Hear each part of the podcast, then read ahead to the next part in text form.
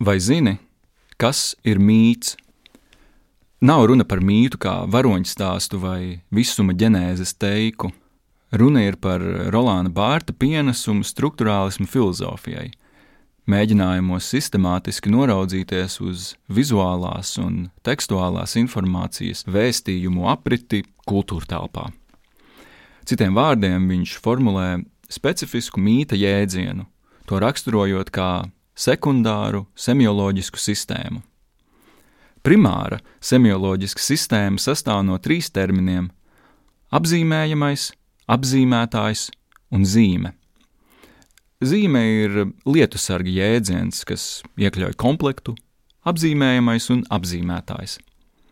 Te jau kārtējo reizi ir runa par reprezentējošu valodu, proti, apzīmētājs ir piemēram nosaukums ābols šī lingvistiskā vienība, bet apzīmējamais ir priekšmets realitātē. Nosaukumam un priekšmetam stājoties reprezentējošā attiecībā, iegūstam zīmi.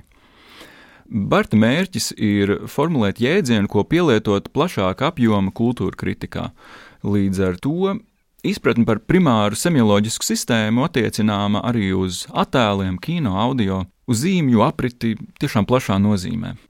Primārā semioloģiskā sistēma norāda uz vārda vai teikuma acīm redzamo, burtisko jeb denotatīvo saturu. Piemēram, teikums Kaķis ir uz dīvāna ir tiešs un burtisks, konkrētas priekšmetiskas situācijas apraksts. Toties mīts jeb sekundāra semioloģiska sistēma ir sava veida pievienotā vērtība, kas, tā teikt, zīmes nolaupa un vienlaikus mēdz aizēnot to burtisko nozīmi. Primārā semioloģiskā sistēma ir denotācija, sekundārā ir konotācija, jeb asociatīvais vēstījums, vēl tā varētu teikt. Piemēram, iztēlosimies pavisam hipotētisku situāciju. Kāds portāls, tuvojoties oktobrim, varētu rakstīt: Politiķis X un viņa partija ABC sola palielināt skolotājiem algas. Tas ir teksts, kam no vienas puses ir denotatīvs, tieši ziņojums, to var uztvert kā vienkārši informatīvu ziņu sižetu par kādas partijas mērķiem. Tomēr, tā kā ir priekšvēlēšana laiks, var rasties aizdomas, ka šim teikumam tomēr nav tikai informatīva vērtība. Teikumam ir uzkabināta sekundārā semioloģiskā sistēma, jeb tas ir daļa no kāda plašāka vēstījuma, kas nav burtiski tiešos vārdos izsacīts. Vēl dziļākas aizdomas rodas, ja apsver, ka, piemēram, šis portāls pieder kādam no partijas ABC vai kādam, kuram ABC liekas simpātiska partija. Tas ir sarkanais karodziņš, kas raisa skepsi, ka šāds virsraksts un sižets nav nejauši. Drīzāk šo teikumu var skatīt kā pakārtotu mēģinājumam radīt pozitīvu politiķa X tēlu.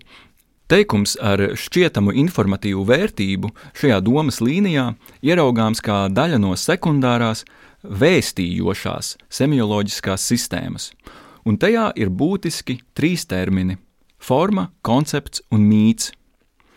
Mīts ir lietusargi jēdziens, ko veido koncepts un forma. Forma ir vārds, teikums, rinkopa, tā var būt kaut vai vesela grāmata. Forma ir zīme iepriekš minētajā izpratnē. Koncepts turpretī ir pievienotā vērtība. Mūsu piemēra sakarā tas ir pievienotais vēstījums, ka politiķis X ir pozitīva figūra, kurai rūp Latvija.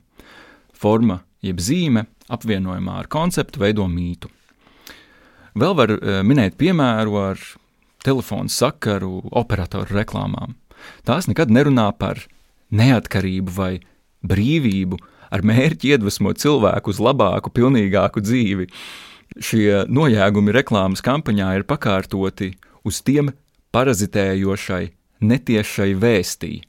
Šīs kompānijas pakalpojumi ir izcili, labāki nekā konkurentu. Mīts paļaujas uz cilvēka prāta asociatīvo dimensiju. Tas parazitē uz tās Mīts patiesi iedarbojas tikai tad, ja tas nav noslēpts vai pārāk uzkrītošs. Ja tas ir noslēpts, neviens to nepamanīs. Bet, ja tas ir uzkrītošs, neviens sevi cienošs cilvēks mītam neļaus ar sevi manipulēt. Mīta vēstī ir uztvērēju jāpārliecina, ka tā vienmēr nāk līdzi savam valodiskajam izējumateriālam. Mīts pārliecina, ka tas ir dabisks, nesarājums ar konkrētiem vārdiem un diskursiem.